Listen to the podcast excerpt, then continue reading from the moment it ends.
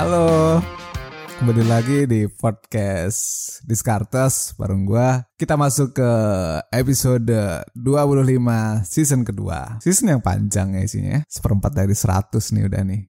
Di episode ini gua akan angkat tema namanya Insecure Finansial. Kenapa? Karena 25 QLC dan banyak banget di antara orang-orang yang berusia 25 tahun mengalami quarter life crisis, ngerasa insecure dan bla bla bla lainnya.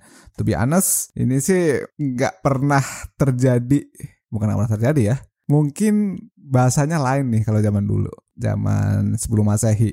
Tapi belakangan ini yang namanya QLC dan insecure lagi hype banget nih 2-3 tahun terakhir gitu. Kayaknya kalau sebelum masehi orang memang ngerasa insecure juga cuman mungkin belum ada bahasa yang pas oke okay, nggak masalah kita akan ngebahas ini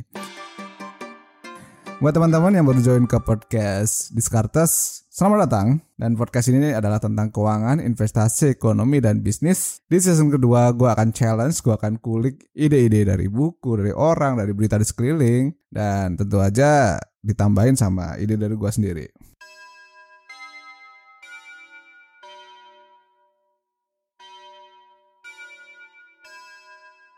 Well, back to topic insecure finansial.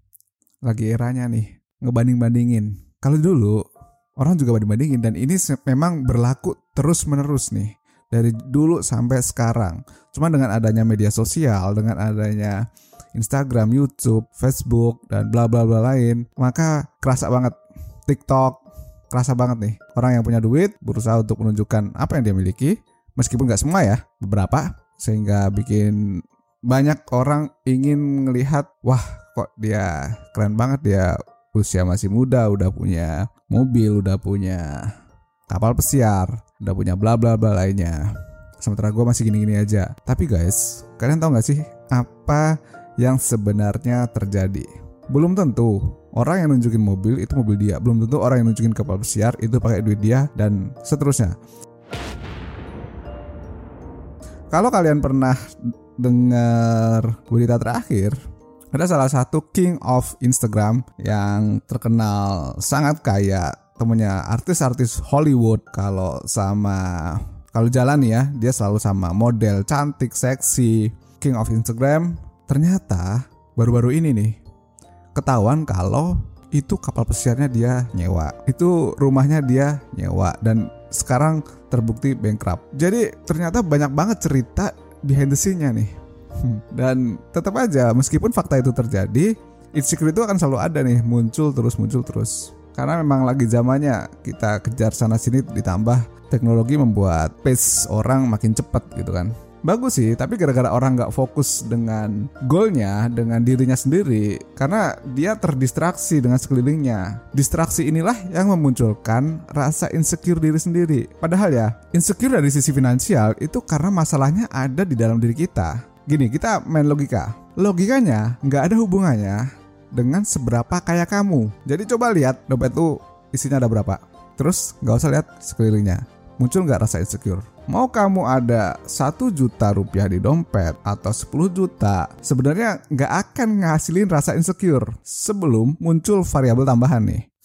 variabel tambahan. Variabel apa? Contoh, yang lain usia sekian udah dapat berkali lipat teman kerja di samping udah dapat berkali lipat hasilnya. Sih, ngeliat ya hasilnya. Terus apakah kamu melihat apa yang sudah mereka korbanin? Gara-gara ada variabel tambahan tadi, insecure tuh nambah tuh jadi plus satu. Terus variabel lain masuk, berita di media sosial, belajar ini itu, harganya mahal, biaya pensiun miliaran, dan bla bla bla lain, ngitung berapa duit yang mesti lo dapetin, muncul tuh dan lu nggak ngelakuin apa-apa. You do nothing selain insecure. Ya udah nambah satu lagi nih plus satu lagi poin untuk insecure. Jadinya poin insecure di total menjadi plus dua. Hmm, plus dua guys. Dan variabel itu akan terus bertambah. Akhirnya poin insecure tadi terus terus tambah nih. Gue mau kasih contoh insecure yang sering banget kejadian. Karyawan muda, dia ngerasa malu nih meeting bareng pejabat. Katanya level belum seberapa jabatannya juga nggak terlalu tinggi dan ini kejadian nyata orang ini pernah diskusi nih sama gue jadi real story dia ngerasa jabatannya nggak cocok lah kalau misalnya ngobrol sama orang lain, ngobrol bisnis sama orang lain. Kemudian ada lagi, nona muda lah, dia lagi cari kenalan di dating apps, ya you name it lah. Ketemu orang di dating apps, terus tuker-tukeran ID media sosial. Nah si nona ini ngelihat medsosnya si cowok. Si cowok ternyata pakai mobil mahal dan pakaian mahal, sepatu mahal. Terus insecure jadinya.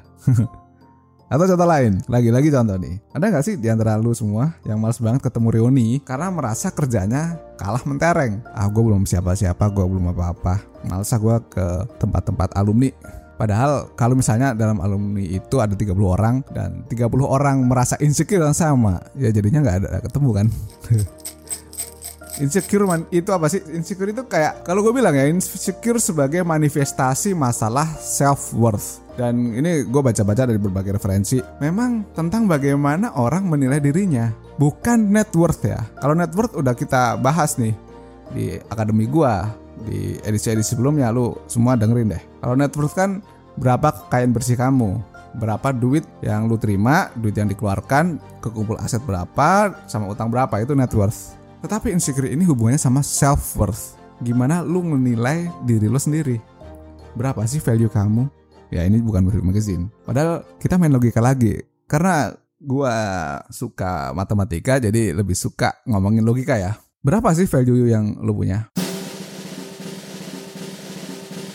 lu semua kalian itu kan bikinan sama Tuhan nih kira-kira ini kira-kira berharga nggak sih sampai dibikin hmm, sama aja kalau gua bikin sesuatu gua pasti ketika bikin maka yakin bahwa bikinan gua ini bagus.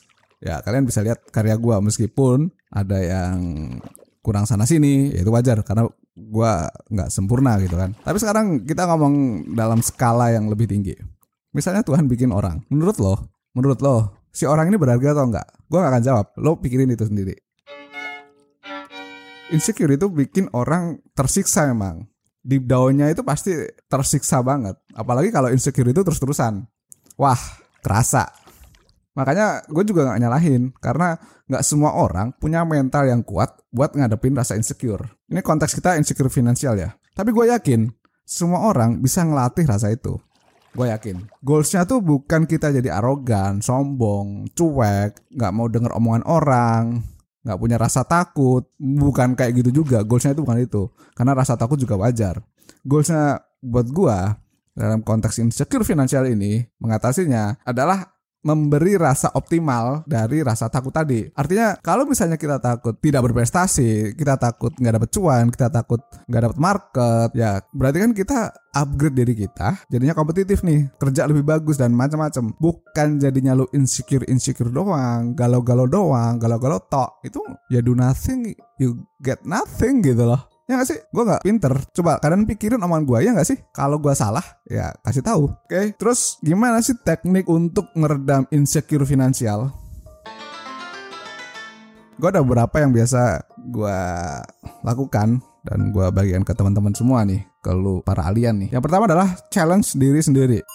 Ketika kita fokus untuk nge-challenge diri sendiri, maka kita nggak akan sibuk untuk mikirin achievement orang lain. Kita ngelihat orang demi memacu diri sih nggak ada salahnya ya. Wah si dia jago, gue juga harus lebih jago. No problem. Tapi kalau kamu sadar, lu semua sadar bahwa orangnya itu gampang insecure, ya udah nggak usah lihat kanan kiri bos. Nanti lu tambah takut. Ngapain lu takut-takut? Paham nggak? Terus soal tantangannya nih ya, ya bikin yang menantang.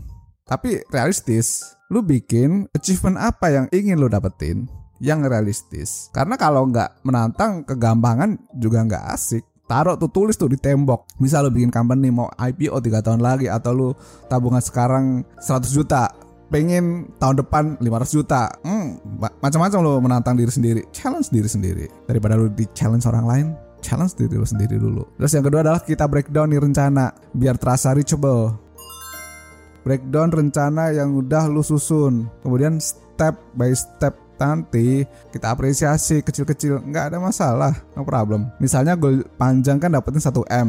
Nah ada tuh rencana buat dapat 10 juta 100 juta. Apresiasi tiap pencapaian kecil tadi. Mau dengan beli kado untuk diri sendiri atau makan di tempat enak atau seperti apa. You name it terserah. Toh dari duit lo sendiri bukan duit gue kan? Yang ketiga adalah give more. Ini uniknya, kita kayak makin sering lo ngasih, makin sering lo ngeluarin duit untuk orang, justru ngurangin rasa insecure. Ini gue bukan ngomong sebagai pemuka agama ya, karena gue juga jahat-jahat gini ya, dan gue bukan orang yang baik-baik banget.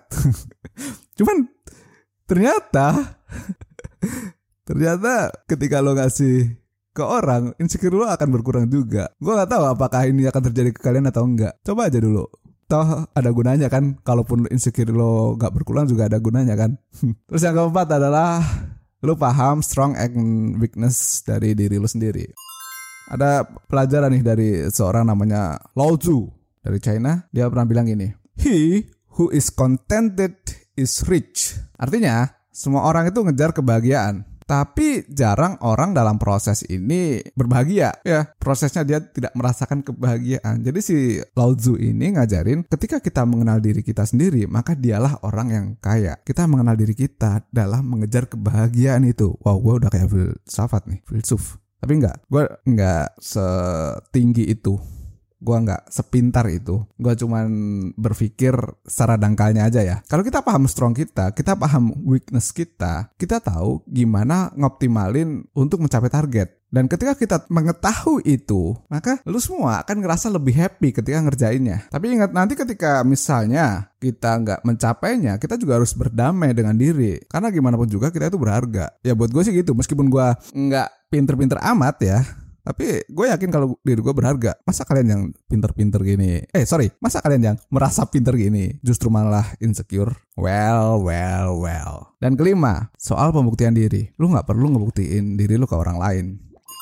Mau ke siapa sih? Mau balas dendam? Mau ke siapa sih? Kalau inginnya kayak gitu, ya lu nggak boleh punya rasa insecure tapi lo kalau lu gampang insecure ya nggak usah lah lu banding lo ingin ngebuktiin diri lo cukup self proof lo buktiin diri lo ke diri lo sendiri. Tanpa terganggu dikomentarin si A si B si C si D si E si F bla bla bla bla bla bla. Bikin challenge buat diri sendiri. Lo buktiin buat diri sendiri. Apakah gue pernah ngebuktiin buat orang lain? Ya pernah. Pernah gue pernah untuk nunjukin bahwa gue bisa ke orang lain? Pernah. Tapi konteksnya gue nggak merasa bahwa gue kehilangan rasa untuk merasa insecure ya. Karena gue nggak ngerasa insecure. Tapi kalau untuk teman-teman yang ngerasa insecure never never do that.